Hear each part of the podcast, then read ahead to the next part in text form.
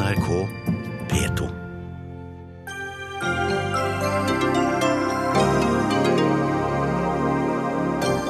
Diplomatisk krise mellom Saudi-Arabia og Iran. Kan den økende konflikten ødelegge i kampen mot IS?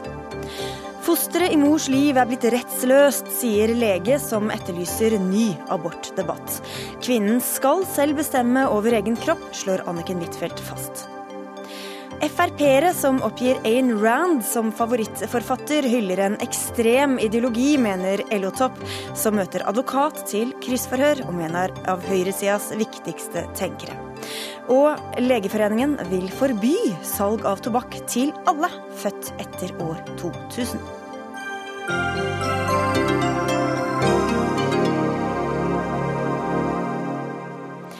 Godt nyttår og vel møtt i Dagsnytt 18s første sending i 2016. Jeg heter Sigrid Solund. Striden mellom Iran og Saudi-Arabia sprer seg til en rekke andre land. Sudan kutter de diplomatiske forbindelsene til Iran, samtidig som De forente arabiske emirater kaller hjem sin ambassadør til Iran. Regjeringen i Bahrain har bedt iranske diplomater i landet om å reise hjem. Bakgrunnen er at den saudi-arabiske ambassaden i Teheran ble stormet fordi Saudi-Arabia henrettet den sjiamuslimske lederen Nimr al-Nimr i Saudi-Arabia. Bjørn Olav Utvik, du er professor i Midtøsten-studier ved Universitetet i Oslo. De henrettet jo også 46 andre samtidig for to dager siden. Hvorfor gjorde de dette nå? De 46 andre de henrettet, eller rettere sagt 42 av de til sammen 47, var sunnimuslimske ekstremister. Medlemmer, medlemmer av Al Qaida, som for 10-12 år siden sto for en rekke terroraksjoner inne inn i Saudi-Arabia. Så En viktig del av grunnen til at dette gjorde, var at de ønska å sende en kraftig advarsel til jihadistsympatisører inne i, inne i Saudi-Arabia. Og så tror jeg det er av ulike grunner, bl.a. for å skape en, en, en balanse og kunne si at vi slår også mot sjiaene. Eh, og for å sende en advarsel også mot Irans økende innflytelse i regionen, så tok de da også denne prominente sjialederen. Mm, og det var det som vakte disse sterke reaksjonene? Ja, det er det som da utløser et raseri, i, ikke minst i Shia-befolkningen i Saudi-Arabia. Det er jo en minoritet på ca. 10% av landets befolkning, hvor denne Nimran Nimr var en viktig mm protest, leder for, for, protester mot, uh, mot, regimet, men også i Iran, Irak, i Bahrain, som har en flertallsbefolkning som er shia, mm. selv om de ikke har makta, og, og i, i, den videre shia-verden. Og Hvorfor kommer disse sterke reaksjonene? Cecilie Ellestveit, du er seniorrådgiver ved, ved ILPI, International Law and Policy Institute. Det har nok sammenheng med mye, men først og fremst så er det nok det at Saudi-Arabia henretter en lærd sjiamuslim som har vært en veldig krass kritiker eh, internt i Saudi-Arabia, ja, men som ikke har brukt vold selv. Han er på en måte en, en sånn ikke-voldsmotstander, selv om han de senere årene også har tatt til orde nær sagt for, eh, for at sjiamuslimene skal eh, få en egen stat eller få autonomi osv. Men ikke noen terrorist? Sånn. Ingen terrorist. Men det er også slik at han har hatt en veldig heltestatus blant unge sjiamuslimer under det som aldri ble ble en arabisk vår i Saudi-Arabia fordi han var veldig vokal og holdt noen taler i 2011 og 2012 som var veldig sterke, og som var en del av den arabiske våren, som aldri ble noe av. Og han var også veldig klart i sin støtte til Bahrain, hvor det også er en sjiamuslimsk majoritetsbefolkning. Og det er klart Han har fått veldig mye oppmerksomhet rundt det, og hadde en heltestatus, særlig blant unge skal vi si, eh, unge menn, eh, marginaliserte, eh, og ofte litt fattigere enn gjennomsnittet både i Saudi-Arabia og i Gulfstatene rundt. Så det er klart det at Saudi-Arabia da henretter han sammen med disse skal vi si, i hermetegn ekte terroristene, det kommer eh, på en måte stirrer opp veldig mye av den stemningen som allerede er der. I tillegg så er det slik at Iran og Saudi-Arabia er i et forhold som har eh, tilspisset seg veldig, særlig de siste to årene. Nå er det diplomatiske prosesser hvor de sitter på hver sin side av bordet. Og mange av de prosessene har ikke Saudi-Arabia helt kontroll over. Eh, men samtidig så har de nylig inngått en ny eh, allianse med Tyrkia. Erdogan var i Riyadh da denne henrettelsen fant sted, og det er klart det er noen sånne signaler direkte mot Iran om at vi har har på en måte stor backing, og nå, nå lanserer vi en sånn offensiv overfor dere. Det, det foregår mange ting mellom Saudi-Arabia og Iran rundt eh, konfliktene i Syria og i Jemen, hvor de også sitter på hver sin side. Men hvorfor er det da altså at andre land, det er Iran de reagerer mot, og ikke mot Saudi-Arabia? Det er fordi at det har skjedd en veldig polarisering mellom shia-islam og, sunni-islam. Den polariseringa har ikke minst vært drevet av Saudi-Arabia. Saudi-Arabia er bekymra for Iran som en rivaliserende stormakt i, i regionen. med potensielt For der er det flest shia-muslimer? Ja, nemlig. Iran er jo det store shia-landet med 90 eh, shia og en stor befolkning på 70-80 millioner. Saudi-Arabia er nokså 90 sunni, sunnimuslimer.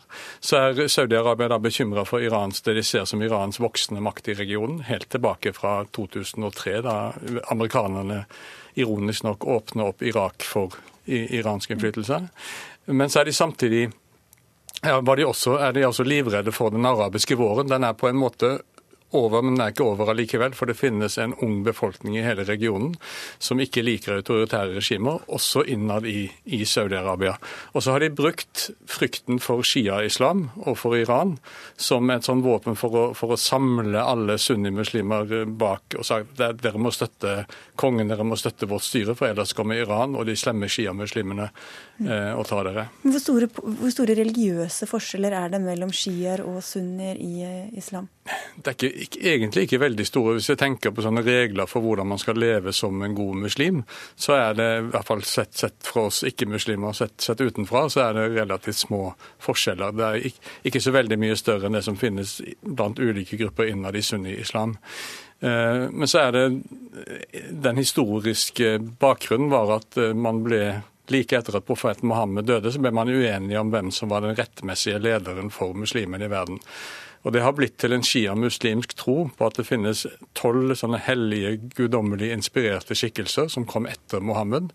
De tolv eh, imamene. og Den siste av de ble borte for eh, ja, 1200, 1200 år siden, men finnes i skjul og inspirerer på en slags måte verden allikevel. Og så har det igjen ført til at per i dag, når man ikke har en sånn imam som er til stede, så er det de sjiamuslimske lærde som man skal se til, da, som representerer på en måte denne imamen. Eh, og Derfor har de sjiamuslimske lærde fått en veldig sterk eh, stilling, sterkere enn de lærde i sunni-islam. Men nå brukes også dette politisk, Cecilie Hellestveit? Ja, på to plan, egentlig. Det ene er forholdet mellom Iran og Saudi-Arabia og deres allierte i de ulike prosessene som foregår. Nå er det slik at eh, Sanksjonsregimet mot Iran skal jo nå snart heves, faktisk veldig for, om et par uker. Og du har også en ganske sånn sensitiv valgprosess i Iran som kan bli påvirket av den form for si, retorisk nivå i regionen. Eh, og så har du også en, en annen ting, og det er knyttet til at Borgerkrigen i Irak eh, på 2000-tallet den var sekterisk. Dvs. Si at verken Saudi-Arabia eller Iran eller amerikanerne klarte helt å kontrollere det. Til slutt så fikk man lagt et lokk på det. Den har kommet opp igjen. og Det vi ser nå, det er at forskjellige steder i Irak f.eks. så blir sunnimuslimske imamer nå henrettet. De blir plukket ned og henrettet. Og dette er situasjonen både i Irak, i Syria og i Jemen og i en del andre land. Delvis fordi IS har virkelig forsøkt å få dette opp. Og da blir det vanskelig å kontrollere effekten av en, en slik tilspissing mellom Iran og Saudi-Arabia. Og Da er jo spørsmålet hva dette også kan få å si i kampen mot IS, hvor det tross alt er en del land som nå har, har samlet seg? Ja, Det er en ganske eh, foruroligende dimensjon her. fordi IS i Irak har benyttet seg av sekteriske motsetninger mellom sjiamuslimer og sunnimuslimer som et av de viktigste instrumentene for å få eh, skal vi si, støtte i befolkningen. De har iverksatt en del større angrep mot Saudi-Arabia, og de har vært rettet først og fremst mot sjiamuslimske mål i dette Katif-området eh, i østprovinsen. Og Det er nettopp fordi det som foregår under overflaten i Saudi-Arabia, der er det et potensial for IS til å få opp de motsetningene som de kan benytte seg til til å fremme sin egen sak. Så dette er nok eh, en utvikling som IS for så vidt ser ganske lyst på. Hva frykter du Utvik, kan skje nå, også med tanke på konfliktnivået da, i regionen? Ja, konfliktnivået er jo allerede veld, veldig høyt, og det kan eh, og det vil helt åpenbart ikke bli mindre av dette. Samtidig så tenker jeg også at en viktig spørsmål som dette reiser, er hvor sterkt står egentlig regimet i Saudi-Arabia. Det er et eh, ungt og relativt ferskt regime i den forstand at kongen ble skifta ut for et, år, for et, år, siden. og han, han, er jo gammel, men han har et ungt team med seg som er uerfarne. Og så er det sånn at disse henrettelsene tror jeg peker på et saudisk regime som er ganske nervøse på mm. to fronter. For Iran og iransk innflytelse, ja. Men kanskje like mye for opposisjon innad den sunnimuslimske befolkninga. De bruker det avskrekkende? Med... Ja, de, de, er redde for jihadister. De er på en måte like redde for det som også finnes, nemlig religiøse mennesker som vil ha et konstitusjonelt monarki, som vil at kongen skal måtte underlegge seg et valgt, eh, et valgt parlament. Begge deler er like farlige og like mye terrorisme i Saudi-regimets eh, øyne. Og, og, det at de er så nervøse, kan, eh, kan ja, stille et spørsmål til hvor sterke er de, hvor langvarig vil dette regimet sitte med full kontroll? Ja, Helt kort til slutt, Cecilie.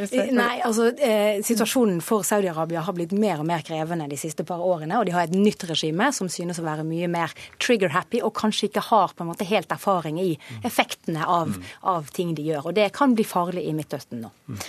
Dere får komme tilbake og forklare mer en annen gang. Tusen takk skal dere ha i denne omgang, Bjørn Olav Utvik fra Universitetet i Oslo og Cecilie Hellestveit fra ILPI. Dagsnytt 18 alle hverdager klokka 18. På NRK P2 og NRK2.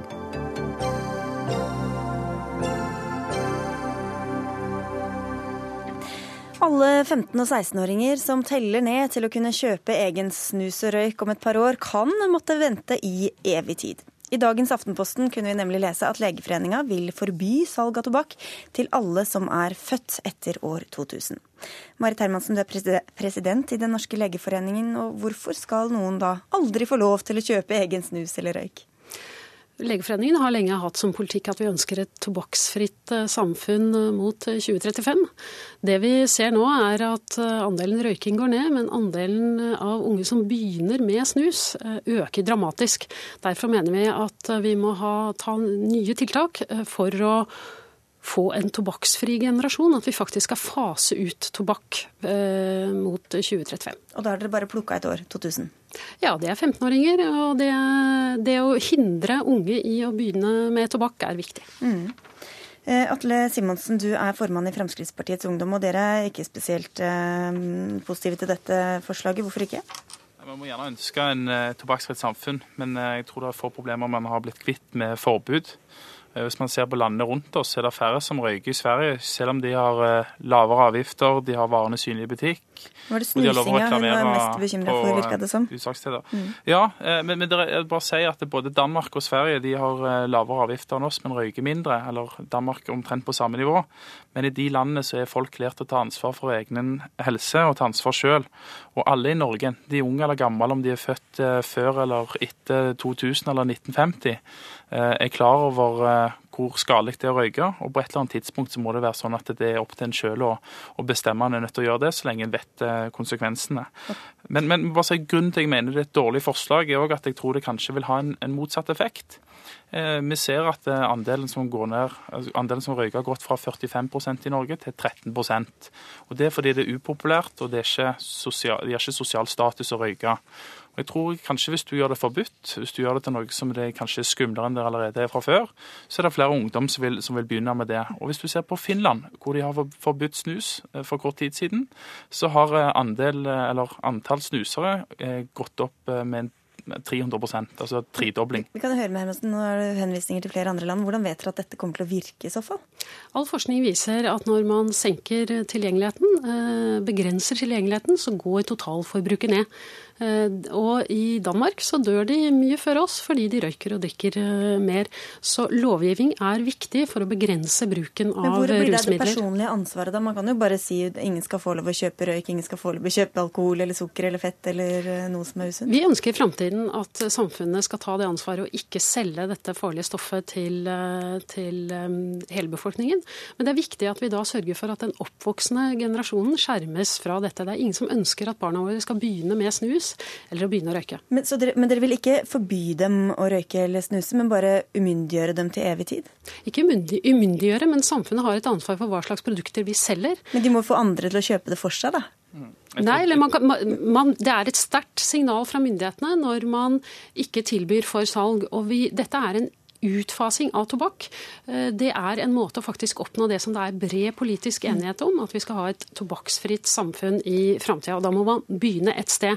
Og I dag så ser vi at de tiltakene som har virka godt på røyk, ikke virker på snus. Og det er altså 25% av unge menn som snuser daglig. altså En kvartdel av de under 25 snuser daglig. Eh, og Før så var det ingen kvinner som snuste. Nå snuser 13% av unge kvinner daglig. og Det er veldig bekymringsfullt. Du skal få slippe til, Simonsen, men vi må først bare høre fra en tredjeperson eh, fra Bergen her. Kjersti Toppe, du er helsepolitisk talsperson i Senterpartiet. og Du syns vel at dette forslaget fra Legeforeninga er tøft, men ville du ha stemt for et sånt forslag? Eh, dette er et forslag som, eh, som, Senterpartiet eller Stortinget ikke har eh, vurdert. Og, men vi har vurdert andre tiltak for å unngå at barn og unge begynner med tobakk. Og det var I 2012 så vedtok Stortinget en ny tobakksskadelov. og Der slo vi fast at det var et mål at, å unngå at barn og unge som var født etter 2000, ikke skulle begynne å røyke eller snuse. Men, men vi vurderte andre tiltak. F.eks. For så foreslo en at en skulle innføre en bevilgningsordning for salg av tobakk. fordi Litt av problemet i dag er at det er veldig enkelt å få tak i for de som er mindreårige. Og En innførte bl.a. òg tobakksfrie skoler. Men, men dette, det er mye klokt eh, med dette forslaget eh, fra eh, Legeforeningen. og Norge har jo hatt sterke tradisjoner for å være langt framme i det tobakksforebyggende arbeidet. Det er vi ikke lenger i dag. Men ja, jeg syns det er et tøft forslag, som kanskje vil komme litt fram i tid. Men ut fra de politiske realitetene, Hermansen. Hvis ikke du får med deg Kjersti Toppe, så er det ikke så mange andre du kan ha håp om å få med deg, kanskje? Nei da, men, men, det er den eh, regjeringen som Kjersti Toppe satt i, hadde, en, hadde en visjon om et tobakksfritt uh, samfunn. Og det er det enighet om i opinionen. Vi var jo tidlig ute med, i Europa med røykeloven, som, som det, nesten det eneste landet. Og i dag så er nesten hele Europa har de samme lovgivningen. Så her er det stor vilje til endring. Men, men syns du det er feige som ikke går langt nok? Nei, jeg tenker at her har vi starta debatten. Eh, og så tror jeg at dette vil modnes, eh, og, dette, og at dette er et, eh, et tiltak som vil få støtte. Simonsen, bør, bør, kampen mot uh, tobakk intensiveres, mener du? Bør det flere tiltak til? Nei, for dette går av seg selv. Ungdom slutter å røyke, og folk slutter å røyke som aldri før. Men, Men de begynner si, å snuse? Bare si det at, ja, Kanskje snus er mye av grunnen til at flere, færre faktisk begynner å røyke. Det har sørget for at veldig mange har slutta. Og av de som går fra røyk til snus, er to tredjedeler snusfri innen et år. Så det er et røykslutteprodukt. I tillegg blir nå e-sigaretter lovlig i tillegg, som er nok et produkt som hjelper. Men snusen er ikke noe som bekymrer deg? Nei, ikke i så stor grad. fordi det, forskerne mener at det er en plass mellom 95 til 99% mindre skadelig enn røyk. så Det handler om å få folk til å slutte å røyke. Men så lenge ikke engang Kjersti Toppe vil være med på dette forslaget, så sier det gjerne litt om hvor ekstremt det er. Og Jeg syns ikke vi skal ha to sett av myndighetsalder, med én myndighetsalder for nyvoksne og én myndighetsalder for andre. Og jeg synes Hvis, hvis Kreftforeningen skulle, skulle, stått sitt standpunkt verdig, så burde de faktisk foreslått å Legeforeningen. Legeforeningen, mm. unnskyld, og foreslått å heller uh, for, uh, forby tobakk uh, for alle. For det er iallfall et mye mer ærlig standpunkt. Ja, og det, og det ønsker vi i framtiden. Eh, det er ikke noe vits å, å polemisere hvor to, farlig tobakk er. Vi vet bl.a. at det er farlig for foster. Og når 13% av unge kvinner røyker, vet, nei, snuser, og vi vet hvor vanskelig det er å slutte, så, så, så, ser vi faktisk ikke konsekvensen av det. Jeg ser ikke én god grunn til at vi som samfunn skal ønske at den oppvoksende generasjon skal begynne med tobakk. Ja, for det er vel ikke sånn Simonsen, at de som begynner, altså de som er 15 år i dag, først begynner å røyke og så går over til snus? De går rett på snusen? Ja, det gjør de nok. Så hvorfor ikke da forby dem å kjøpe det i utgangspunktet, når de blir gamle nok? fordi at det vil ikke sørge for at de slutter med det. Det er veldig få ting som samfunnet har forbudt og blitt, blitt helt kvitt. Og som du ser på Finland, så forbudt de snus, men så tredobla omsetningen seg. Uh, og der er små, All forskning viser at begrensa tilgjengelighet gir ja. Eh, en, eh, et mindre totalforbruk ja, av rusmidler. Så er spørsmålet om det blir mer eller mindre tilgjengelig når du gjør det forbudt. da. Altså Du sørger for at smuglere får en mye bedre hverdag. Og jeg er sikker på at Hvis vi hadde en norsk smuglerforening i Norge, så hadde de jubla over dette forslaget. Og en ting er sikkert Vi har sikkert det et sted, og det er så mange ja, det er foreninger i dette sikkert landet. på Facebook, men, altså, men altså, de vil jo sørge for at det, det er kanskje økt tilgjengelighet. For de spør ikke om legitimasjon f.eks. når de selger varer.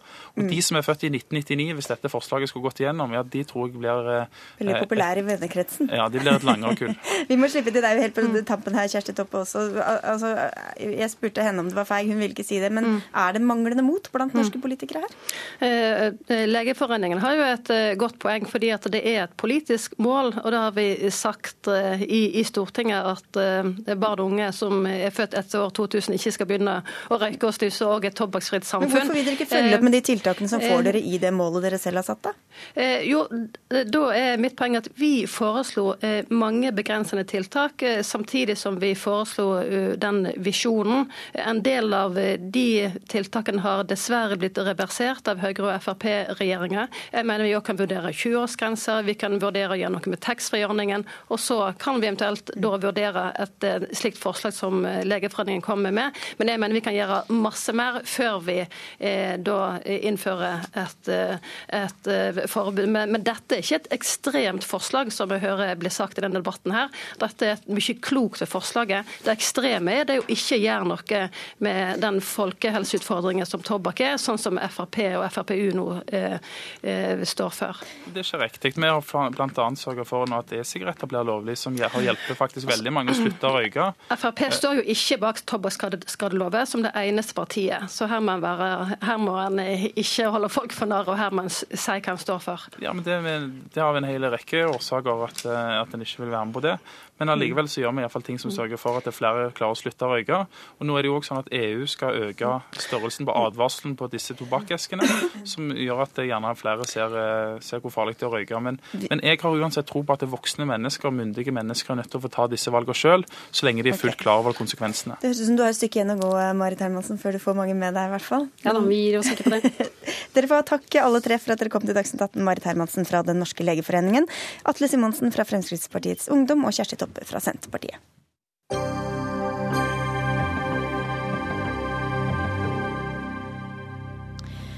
Er politisk ideologi viktigere enn den praktiske virkeligheten? For politikere på venstresida er svaret ja, skal vi tro en kronikk publisert på NRK Ytring i dag. For rød-grønne politikere skyver eldre og helsearbeidere foran seg i kampen mot private sykehjem, skriver du eh, Tone Wilhelmsen Trøen. Du er helsepolitisk talskvinne i Høyre, og du begrunner det med utviklinga i flere norske byer etter eh, valget i fjor høst. Hva er det som har skjedd som får deg til å beskrive utviklinga på denne måten? Jo, for Vi ser det i kommune etter kommune at man ønsker å eh, avslutte avtaler med de private sykehjemmene og la kommunene overta driften. Og det er rent ideologisk eh, fundert. Eh, og er jo helt eh, feil i forhold til hva brukere, pårørende og ansatte sier. De er fornøyd. Men tror du ikke at de rød-grønne ønsker pasientenes beste? Setter det først og fremst? Jo, men da må jo de rød-grønne også lytte til brukerundersøkelser som viser at brukere er fornøyd, pårørende er fornøyd. I Bergen sier de ansatte ved Søreide sykehjem at de ønsker å fortsette å jobbe hos den private aktøren, og ikke ønsker å bli en del av det kommunale apparatet. Torgeir Micaelsen, du er helsepolitisk talsperson for Arbeiderpartiet. Er det sånn at uh, ideologiske prinsipper trumfer hensynet til pasienten for dere? Nei, det er det ikke, og det ber jeg virkelig om å bli trodd på. Altså, hvis det var noen som var opptatt av ideologi, så kan man jo kanskje se til uh, Trøens uh, egen regjeringserklæring, i hvert fall regjeringen hennes sin regjeringserklæring, hvor de skriver at velferdstjenester, um, og da pleie- og omsorgssektoren f.eks., ikke skiller seg nevneverdig fra produksjon av andre varer og tjenester i samfunnet. Det er jeg helt uenig i. Og Derfor mener jeg at svaret er nei, men ja. Altså, det er politiske uenigheter om hvordan vi best organiserer pleie- og omsorgssektoren i Norge eller velferdstjenester mer generelt. Men først og fremst er dette et spørsmål om hva som fungerer. Men hvis det fungerer, da? Hvis eh, de ansatte er fornøyd? Men det hun kommer med nå her, er jo det vi, det vi kaller i beste fall gode anekdoter om hva som fungerer bra på enkelte steder. Vi er opptatt av å gå til forskning for å underbygge hva som best fungerer når man skal organisere velferd i, verden, altså i Norge. Og Internasjonal forskning er ganske entydig på dette feltet. Det er grunnen til at vi i Norge har organisert oss slik at i størst mulig grad organiserer vi ting i, best, altså i fellesskap. Eh, og Da kan man godt komme med ulike anekdoter om at det fungerer enkelte steder. og Jeg er for samarbeid med private. Men man kan ikke være overrasket av at når Arbeiderpartiet og de andre rød-grønne partiene vinner valg i store byer, så vil det bli endringer kontra hvordan det har vært med Høyre. Hvorfor skal de bare fortsette å føre Høyres politikk når de kommer til makta med en annen ideologi, et annet syn? Ja, men Det som, det som jeg syns er så synd, er at uh, når vi ser for når helse- og omsorgskomiteen er ute på besøk på institusjoner. Vi besøker private institusjoner, privat drevne institusjoner som har avtale f.eks. med Oslo kommune. Vi var på Manglerudhjemmet. Ser veldig nytenkende, innovativ demensomsorg eldreomsorg.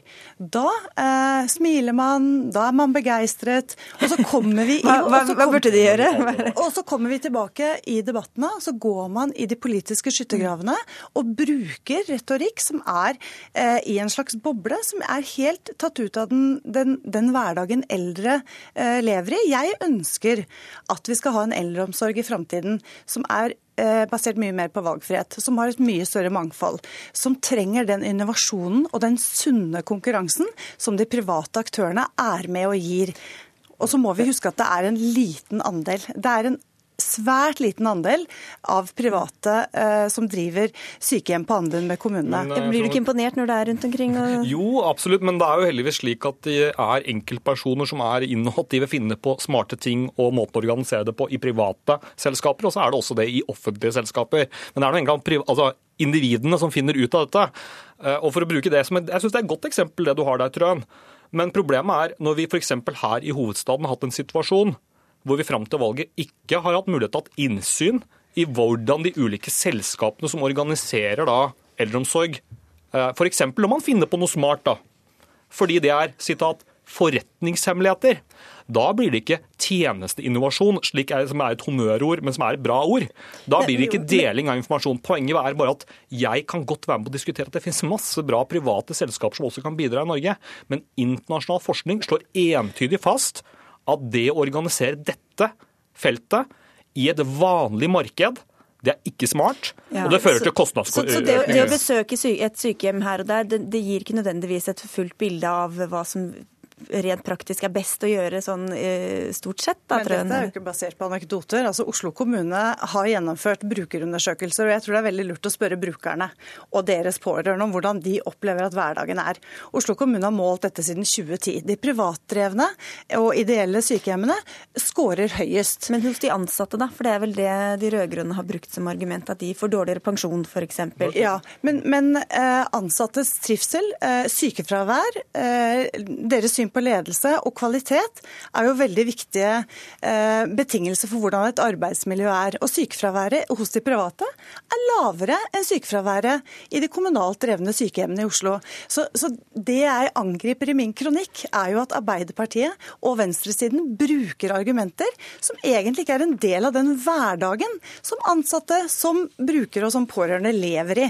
Men det er ideologisk begrunnet, og det er, det. Men du trenger ikke å være økonom eller rakettforsker. Jeg ingen av delene for å forstå at i en sektor der 85% av utgiftene til det å drive f.eks. eldreomsorg er lønn og pensjon, når du da kombinerer det faktumet med at de største, det du kaller private tilbydere i Norge, det er i stor grad store internasjonalt eide kommersielle selskaper. Unicare, Attendo, bra selskaper, men de har i tillegg et krav om en profitt som skal legges på toppen av dette. Og Da trenger man ikke være forsker for å forstå at det fører til press på lønninger på de ansatte, og som igjen fører til dårlig kvalitet. Tida flyr veldig fort, Trønder. Trønd. Eh, ja, NHO har eh, deres medlemsbedrifter har sett på hva, hva, hva overskuddet i disse bedriftene er, og det er, ligger omtrent på 2% Men du må huske på at dette er De skatter til Norge av den eldreomsorgen som de leverer i Norge. Dette er en helt feilslått diagnose å si at dette er feil. Takk skal dere ha, begge to. Tone Trøen fra Høyre og Torgeir Micaelsen fra Arbeiderpartiet. Thank you. 5000 enslige mindreårige asylsøkere søkte om opphold i Norge i fjor. Mange flere kan komme i året vi har foran oss. Om de vurderes til å være under eller over 18 år, kan ha stor betydning for sjansen de har til å få varig opphold. I dag fastsettes alderen bl.a. ut fra røntgen av hånda. Men det er en uegnet og mangelfull metode, skriver flere barneleger og radiologer i en kronikk i VG i dag. En av dem skal vi høre fra snart, men først til deg, Hanne Gjendal. Du er avdelingsdirektør i asylavdelingen i UDI. Hvordan går dere fram for å finne ut hvor gamle disse asylsøkerne er? Så Det som er viktig å få frem her, er at eh, de fleste som kommer til Norge som enslige mindreårige asylsøkere, de har ikke identitetspapirer. De har ikke fødselsattester, de har ikke pass. Så det er veldig lite vi har å forholde oss til når de sier eh, hvem de er og hvilken alder de har. Og da sier de gjerne at de er under 18 år? Og da sier de gjerne at de er under 18 år, for det vet veldig mange at det har stor eh, betydning for hvilken, hvilken avgjørelse vi vil ta. Eh, hvordan vi går fram, det er eh, Vi har eh, en avtale med Tannlegehøgskolen som tar røntgen av tenner. så har vi et laboratorium som tar en håndrotundersøkelse. Og på bakgrunn av de to undersøkelsene så har vi en pensjonert barnelege som sammenfaller de to undersøkelser, slik at vi kan få en vurdering på hvor gamle de er. Så i alle tvilstilfeller så tas det både røntgen av tenner og av hånda? Av alle tvilstilfeller så gjør det det.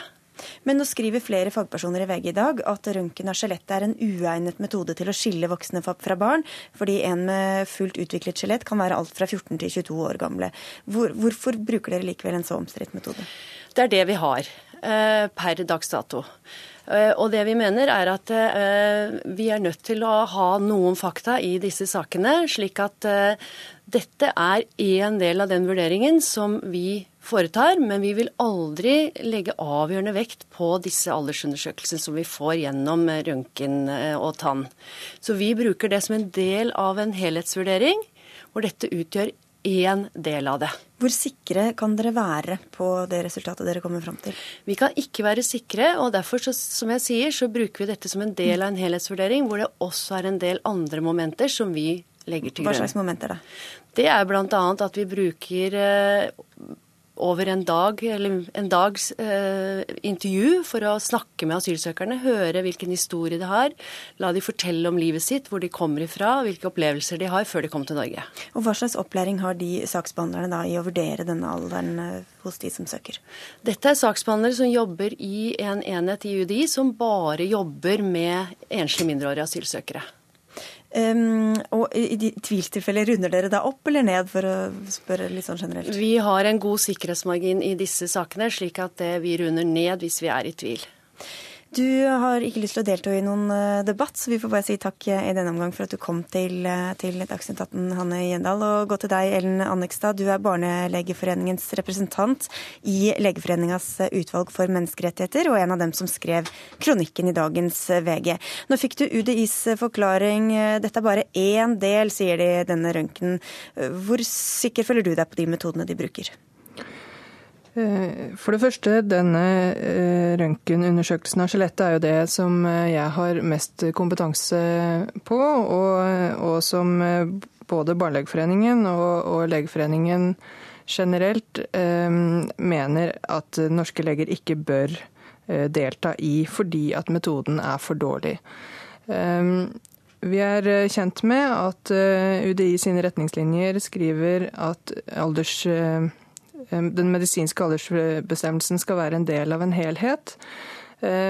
Men gjennom vårt, eh, vår kontakt med ulike organisasjoner som jobber med mindreårige asylsøkere, så er det inntrykket vi sitter igjen med, at, eh, at hverdagen er annerledes. At, den at dette er avgjørende? At den medisinske aldersvurderingen tillegges veldig stor vekt. Jøran Kalmyr, du er statssekretær for innvandrings- og integreringsministeren. Dette er altså en metode, denne røntgenmetoden, som de fraråder fra Legeforeninga. Sier den ikke er nøyaktig nok. Hvordan kan dere legge såpass mye lit på den? Jeg er egentlig litt overraska over at Legeforeninga har tatt et så bastant standpunkt. Jeg har lest kronikken i dag. Det er helt tydelig at her man nesten lagt avgjørende vekt på at, at man tror at utlendingsforvaltninga legger avgjørende vekt på dette ene momentet, som er et av flere momenter, nemlig røntgenet av hånda. Eh, vi, eh, kronikken eh, og utsagnet nå vi hører nå, at de har et inntrykk av at dette her er det UDI har lagt avgjørende vekt på. Men slik er det altså ikke. Dette er et av flere momenter. og Legeforeningen burde heller tenkt som så at man har altså tannbeviset, og så kan man heller bruke røntgenbilde av håndledd også for å få verifisert Eh, sånn at man har en, egentlig en dobbeltsikring, så man egentlig øker altså rettssikkerheten til barna. For det kan være mange som man tror er over 18 år, eller f.eks. over 15 år, som da gjennom nærmere undersøkelser kan vise å være under 18 år og under 15 år. Mm. Så dette kan gå begge veier. Jeg tror det er viktig at vi har noe medisinsk fakta som underbygger de andre eh, momentene man har å bygge på i en aldersvurdering. Et av flere bevis, for å si det sånn, Annekstad. Burde man ikke bruke det i det hele tatt, da, eller?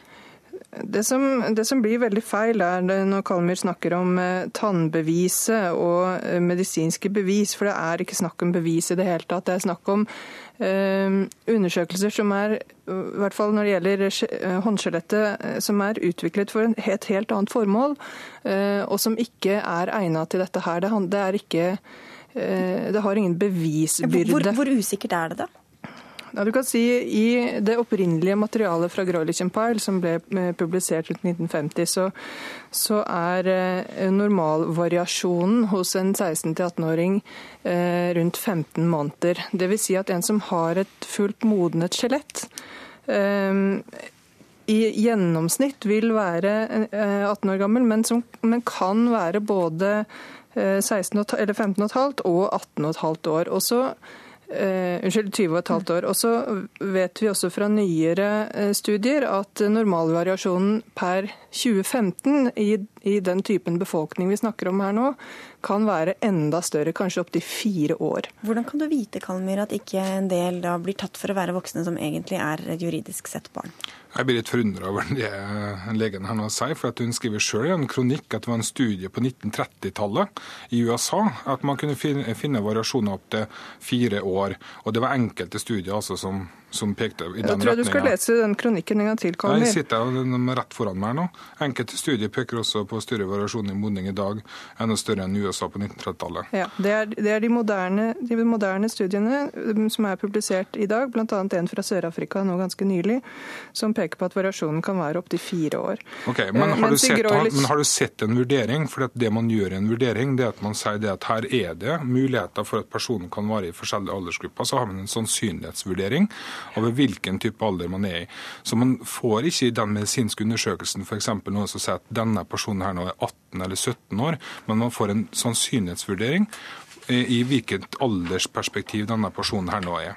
Eh, sånn at eh, Dette her nå er et hjelpemiddel eh, som er med på å hjelpe faktisk UDI til å komme til en korrekt alder, men det er jo mange andre momenter som også skal vurderes for å komme til den riktige alderen. Hva er alternativet? Eh, jeg vil bare veldig ja, kort kommentere det han sa mm. nå. Altså, eh, Barnesak AS, etter en eh, syntese av, av røntgen av hånda og tannlegeundersøkelsen, angir en sannsynlighet for alder i rapporten til UDI som, hvor, hvor man oppgir en, en kategori fra A til E og videre fra F dersom man tror at personen er under 16 år. Og I kategori A for eksempel, så, det, så angir man med 100 sannsynlighet at personen er over 18 år. Eh, ja. Det, men, men, da er det vel ganske stor sannsynlighet for at den personen er over 18 år òg? Nei. Det som er ganske stor sannsynlighet for ved en sånn konklusjon, er at personen har et skjelett som er fullt modnet, eh, og tenner som er eh, eh, gjennomsnittlig, og også der med, med, to års margin i begge retninger, svarende til den alderen. Så man har ikke på noe som helst måte bevist at personen er over 18 år. Man har bevist at, at skjelettet til personen er fullt modnet. Mm. Men, men, hva burde man gjøre i stedet for, da, hvis, hvis du ikke syns at dette er noe å legge vekt på? I, problemet er jo at vi ikke har noen, noen, eh, fullgode metoder, som også UDI selv sier. Vi har ikke noen helt eksakte metoder.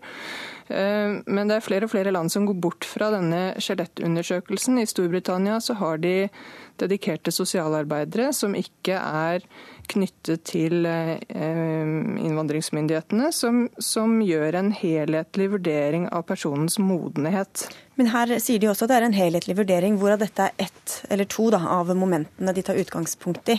Så hvorfor skal man legge bort noe som i hvert fall kan gi et, et hint da, om hvor gammelt eh, mennesket er? Nei, det vi opplever, og som vi også ser gjennom vårt eh, samarbeid både med, med NOAS og Redd Barna og Vergeforeningen og andre organisasjoner som jobber på gulvet i anførselstegn med disse ungdommene, er at de medisinske aldersundersøkelsene tillegges veldig mye større vekt enn det UDI gir inntrykk eh, av. Eh, og, og da, da opplever vi at, at, metoden blir tillagt en legitimitet. Eller vi som leger blir på en måte fanget eh, i en eh, konklusjon som vi ikke kan gå god for. Vi er nødt til å avslutte, Kalmi, men du skal... Ja, men, ja. Vi kjenner oss som sagt ikke helt igjen i dette, nå, for dette er nå ett av flere momenter som skal legges til grunn for å fastsette en alder. Og Dessuten så er det ikke helt riktig at det har en så stor betydning lenger, kommer til å få, eh, for dem som f.eks. kommer i kategorien under 18 år. fordi de skal uansett få prøvd saken sin på nytt igjen hvis Stortinget fatter vedtak om det. Fordi at man får en ny vurdering, og da blir man målt etter voksen kriterier for å få asyl når man er fylt 18 år, så da vil det ikke være så avgjørende lenger, denne testen. Og det er også en annen debatt som det også er andre kritiske røster til, hvorav du vel er en, Annekstad. Men det har vi ikke tid til. Det får vi ta en annen gang. Tusen takk skal dere ha i hvert fall for at dere tok denne debatten, Ellen Annekstad og Gøran Kalmyr. Hør Dagsnytt 18 når du vil. Radio NRK.no.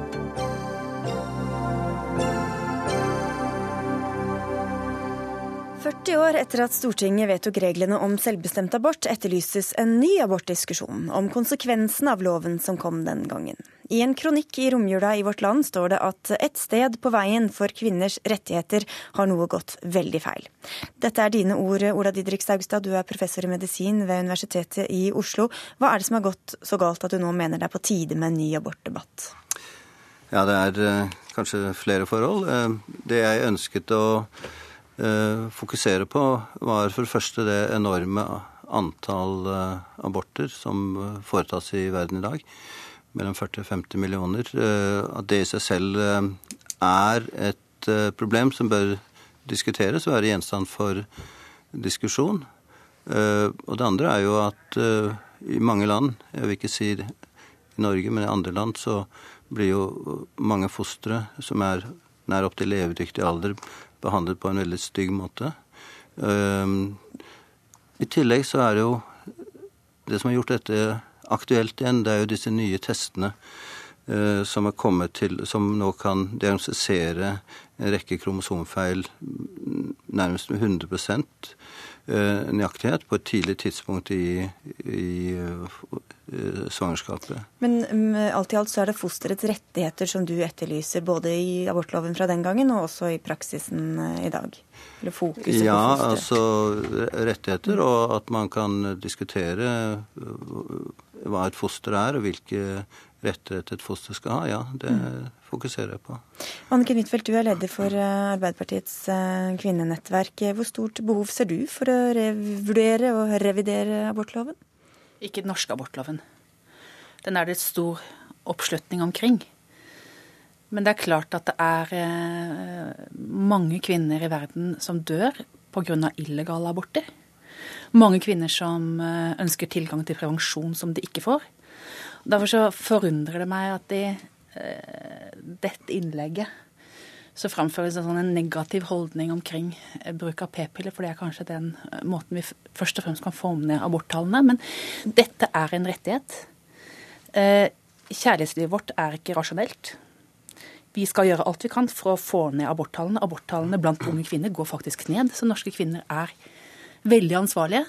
Men noen vil allikevel bli ufrivillig gravide, og da er det en rettighet å kunne benytte seg av dagens abort. Hvis vi prøver å holde oss til norske forhold, da, som er lettere å, å diskutere, Saugstad, hvilke konkrete endringer i lovteksten er det egentlig du ser for deg, eller ønsker deg? Ja, først må jeg bare uh, korrigere Anniken Huitfeldt. Jeg har ikke Mitt innlegg var ikke mot p-pillen i det hele tatt. Det kan ikke forstå hvordan, hvordan du kunne lese det inn i den. Det var en beskrivelse av en utvikling mm. som førte til at vi fikk denne abortdebatten på 70-tallet. Da lar vi p-pillen ligge. Mm. Men hva, hva, hva, skulle du sett at sto i den loven i stedet for det som sto der Nei, Det er ikke sikkert man trenger å gjøre så store forandringer.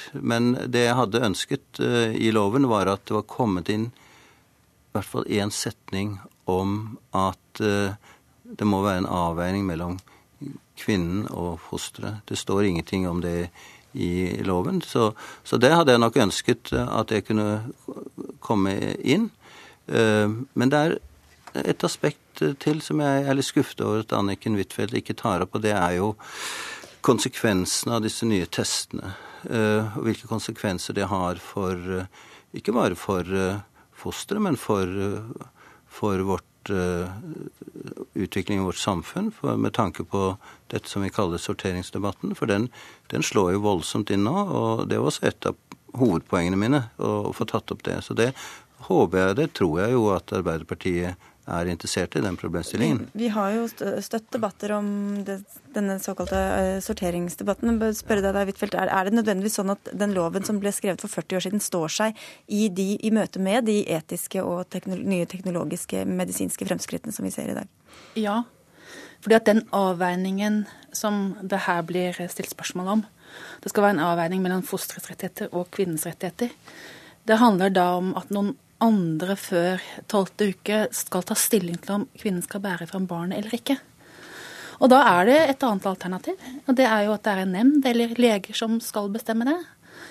Og hvis en kvinne blir ufrivillig gravid, da mener jeg at det er hennes rettighet å bestemme over dette før tolvte uke. Så mener jeg at det som blir pekt på her med medisinske fremskritt, det er klart at det stiller oss overfor en rekke dilemmaer, utfordringer. Men hva skal vi bruke den kunnskapen til? Skal vi si at fordi at vi nå har denne kunnskapen, så skal 19-åringer som blir ufrivillig gravide, bli tvunget til å bære fram et foster mot sin vilje? Og da er svaret mitt nei. Slik at jeg mener at det er viktig å diskutere hvilke teknologiske og hvilke medisinske eh, løsninger vi bruker, hva vi tilbyr innenfor offentlig helsevesen. Og det er klart at i mange land, så nå skal vi ikke trekke inn andre land her, men da har man abort veldig sent i, i svangerskapet. Så det er viktig å diskutere. Men til syvende og sist så handler det er det kvinnen selv eller en lege før eller etter tolvte uke, og det bør være kvinnen. Nå er jeg veldig skuffet uh, over at du på en måte fører dette inn i en, hva skal jeg si, en gammeldags abortdebatt, for det var ikke min hensikt i det hele tatt. Og jeg har ikke tatt opp dette med nemnder. og Jeg sier ikke nødvendigvis at det skal være noen andre som skal bestemme for kvinnen. Men uh, det kan allikevel kan det komme inn en setning i abortloven som kanskje påpeker noe av alvoret. Men hva skal man med en setning hvis den ikke utløser noe, Fordi, noen handling eller juridiske rettigheter? Fordi det kan utløse f.eks. Eh, sist jeg satt i studio med deg her, hvis du husker det, så snakket vi om fosterreduksjon. Det er altså at man hvis man har tvillinger eller trillinger, så fjerner man ett eller to fostre fordi at man syns det er slitsomt å ha mer enn ett barn. Eh, det er en praksis som kanskje er tillatt, men ikke særlig vanlig i Ikke i Norge, Norge men, men i mange andre land så praktiseres dette. Eh, jeg tror at hvis det hadde vært en setning i abortloven som på en måte understreker at også fosteret har rettigheter, så ville kanskje det eh, kunne politikere si at dette ville vi ikke ha i Norge. Eh, så, så jeg, jeg må si jeg er veldig skuffet. Det skaffer holdninger, da, tenker du på? Hvis skaffer det står... holdninger, og, og i dag så tror jeg ikke man kan med loven i hånd si at dette vil man ikke ha i Norge. Eh, jeg syns det er viktig med abortdiskusjoner. Men eh, du har jo alltid vært mot denne loven. Det er ikke noe du nå, på bakgrunn av de medisinske framskrittene som har kommet, har endret syn på. Så det er jo for så vidt greit. Men jeg føler nå at du trekker fram de medisinske fremskrittene som et argument for å endre dagens abortlov. Eh, og da syns jeg det er viktig å diskutere hvilke dilemmaer de medisinske fremskrittene stiller oss overfor. Men hvis du skal ha i disse setningene, mm. da er det jo noen andre enn kvinnen som skal bestemme. Og det har vi jo etter tolvte uke. Nei, ikke, jeg, ikke, jeg er ikke enig i det. Nei, Men hvem skal bestemme, da? Hvem er det som skal bestemme, da? Og det er jo der den gamle abortdebatten kommer. Og den er, jo ikke, den er jo også veldig aktuell, for den foregår i veldig mange land. Den foregår i land hvor mange fundamentalistiske krefter, enten det er i katolske land eller i strengt muslimske land, som ønsker å reversere hva gjelder prevensjon og abort. Så dette er en gammel diskusjon som handler om det.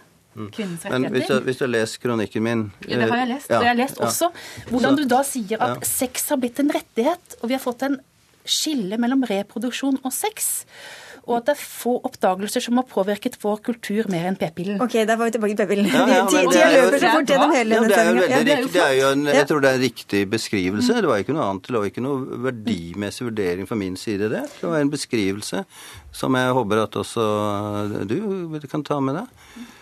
Og da tror jeg... Men, men ja, ja, du må bare slippe til helt på slutten. da, Saugstad. Altså, du har vært imot denne loven hele tiden. Bruker du da bare andre argumenter som kommer for å altså, underbygge det ståstedet du en gang aldri vært mot det, understreker jeg. Jeg har aldri vært motstander av kvinnens rettigheter. Men det jeg har vært, vært min agenda i, i 40 år, det er å løfte frem at også et foster skal ha verdi og ha, behandles med respekt og rettigheter. Og da er jeg villig til å å, diskutere altså jeg er, ikke, jeg er, ikke, for at vi skal innføre noen nemnder. Eh, det har aldri vært på min agenda i det hele tatt. Men nå har du vært skuffet over meg. Da må jeg si ja. jeg er skuffet over at du ikke nå er glad for at aborttallene i Norge går ned, og at du ikke fremhever det i, i kronikken din. Det er i hvert fall argumenter som styrker dagens abortlov. Ja, altså, og det er veldig fint. Eh, men spørsmålet er hvor konsistente det fallet er. Og det får vi se på og kanskje komme tilbake til en annen diskusjon. Uh, ja. ja. Vi får ta en sånn genteknologidebatt en annen gang igjen, da, som, vi, som, vi, som denne debatten fort leder inn på. Jeg er, veldig, jeg er, veldig, glad for at Anniken Huitfeldt ser at det er viktig å diskutere disse tingene. Mm. Det, det syns jeg er positivt. Så fikk vi første runde her. Takk skal dere ha begge to, Ola Didrik Saugstad og Anniken Huitfeldt.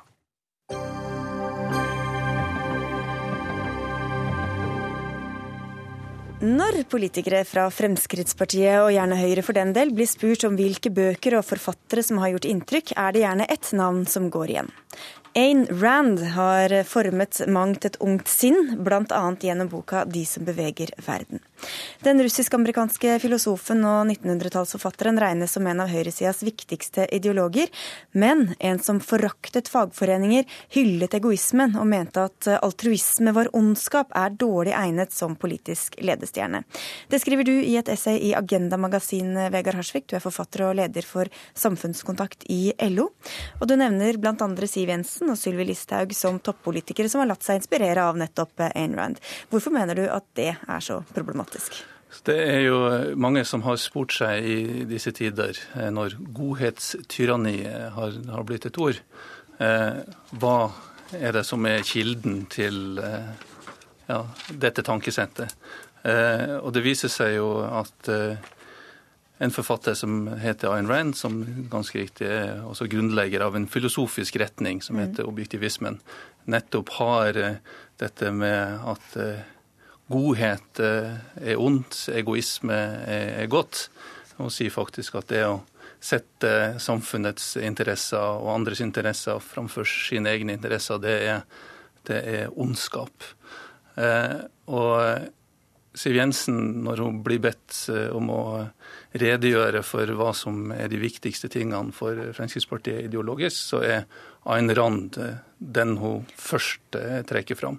Så Derfor så er det viktig at vi får en ordentlig debatt eh, i Norge om for hun har fortsatt påvirkningskraft gjennom sterk, sine. Sterk påvirkningskraft. Og hva slags ideer er det det kolporterer. Det gjør at vi kan forstå sånne ord som godhetstyranni, vi kan forstå politikken med skattekutt til de rikeste og sånn mye bedre i lys av dette tankesettet. Ove Vanbo, du er advokat, du er tidligere leder av Fremskrittspartiets Ungdom og har pløyd deg gjennom alt det Ayn Rand har skrevet. Hva er det som er så fascinerende ved det hun skriver, at alle FPU-ere og mange andre må gjennom det? Jeg tror det er litt forskjellige ting. Eh, det ene som jeg tror veldig mange liker, er at eh, og dyrker den skaperånden og, viljen til å stå på, produsere, eh, få ting til å skje. Dyrker den gründer- og entreprenørmentaliteten. og I tillegg så er hun også veldig opptatt av at eh, selv om hele samfunnet er uenig med deg, så må du kunne stå inne for dine egne meninger, og gjerne tale alle imot. Og jeg tror nok at det på mange måter appellerer til folk som, som da forfekter eh, de mer liberalistiske ideene. Da. Men har hun da hatt så stor gjennomslagskraft, om ikke direkte, så indirekte, som det Harsvik sier her? Svaret på det er nei. Og da er det jo igjen å se på forholdet mellom det Ayn Rand sier og forfekter, og det som er praktisk politikk. Jeg kan ta tre konkrete eksempler bare for å tydeliggjøre det. Eh, Rand ville avskaffe velferdsstaten. Eh, dagens regjering med Høyre og Frp øker utgiftene til velferdsstaten. Eh, Rand forsvarte antageligvis en eller annen form for fri innvandring. Regjeringen strammer inn på innvandringspolitikken. Siv Jensen og Sylvi Listhaug, som Harsvik har trukket frem, er veldig opptatt av kristne verdier. Ayn Rand forakter alt som hadde med religion å gjøre. Så poenget er at det er veldig mange som igjen dyrker den, den gründerånden og de, sant, viljen til å produsere og stå på, men så stopper det ofte der. Så den sammenligningen og det at vi liksom skal gå og granske folks nyre nyrer og hjerte for å finne ut hva som egentlig ligger bak, det syns jeg er en ganske meningsløs øvelse. Det høres ut som Vanbo ønsker seg mer Ayn Rand-politikk eh, enn det han har fått ja, det, med Frp-regjering. Det, det tviler jeg jo ikke på. Eh, og det er jo ikke sånn at det er som har skrevet artikkel i Agenda Magasin om dette, som har funnet på at Høyre og Fremskrittspartiet lar seg begeistre, bevege og inspirere av en Rand. Som jeg sier, dette er jo disse politikerne sjøl som trekker fram både Ayn Rands tanker og forfatterskap som grunnleggende inspirasjon for det de sjøl står for. Og vi, vi, liker jo å tro at det er litt sånn ekstreme krefter på amerikansk høyreside som slår om seg med dette, disse, disse, ideene. Men, men det er jo sånn at Fremskrittspartiet har jo et tett samarbeid med F.eks. Ayn Rand Institute eh, i USA, Cato Institute, som forfekter disse tankegangene. Og det er jo slett ikke sånn at eh, vi har en, en, regjering som er opptatt av å bygge opp de offentlige velferdsordningene. Eh, det er jo snarere tvert imot. At vi har en regjering som er opptatt av å privatisere og bygge ned de offentlige velferdsordningene. Det gjenspeiles jo. Er, altså, her tenker jeg at eh, man må begynne å skille litt mellom forskjellige ting. Og det er jo klart at Fremskrittspartiet har hatt en del kontakt med personer som holder Rand veldig høyt.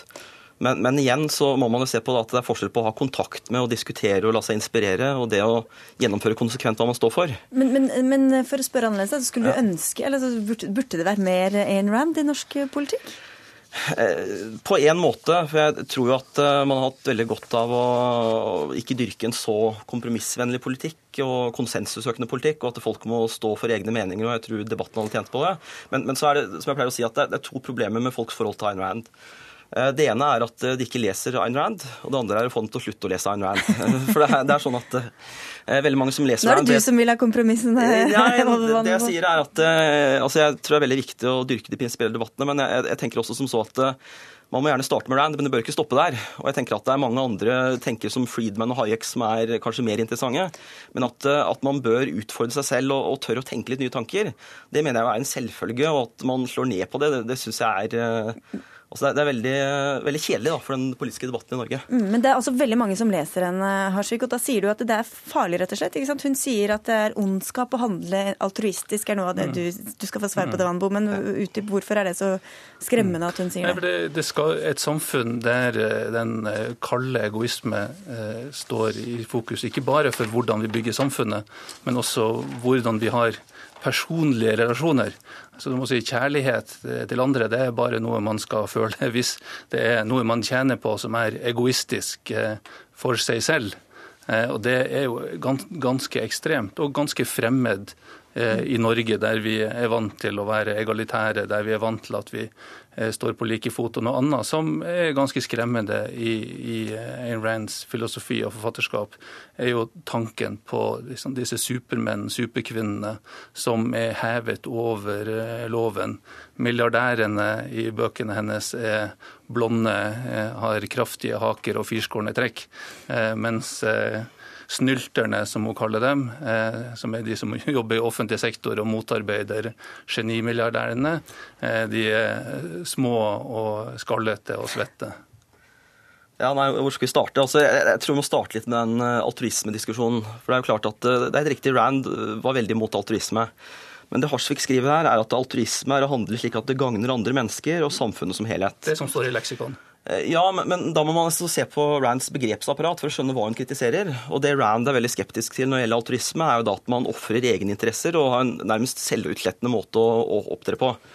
Men, men, hvis man ser på Rands, eh, altså det Rand mente i praksis, så tror jeg det ville vært noe helt annet. For jeg tror også at også Rand ville mene at hennes syn på politikk, da, hvor da slik skaper kreftene fri og, og har markedsøkonomi som vi vet fører til at eh, alle får det bedre, at det også vil gagne samfunnet som helhet. Så jeg tror ikke det er noen motsetning der. Og så kan man også igjen prøve å nyansere det litt. Ehm, Rand er, eh, som du sier, veldig opptatt av at folk som, eh, som, tjener mye penger og er kapitalister, skal gjøre det bra.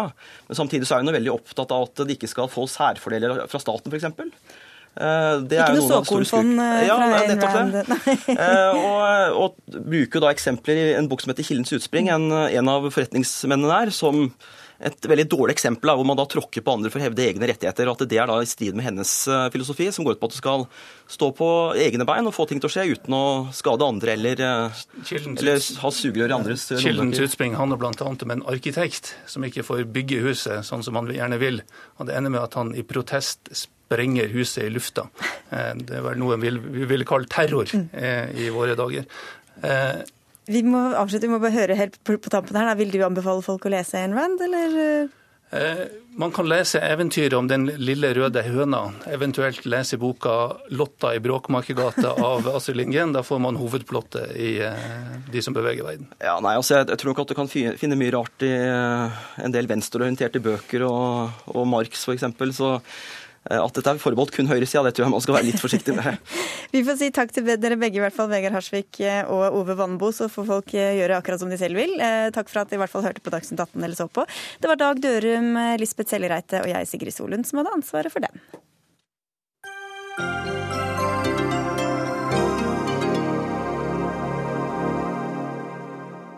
Hør flere podkaster på nrk.no podkast.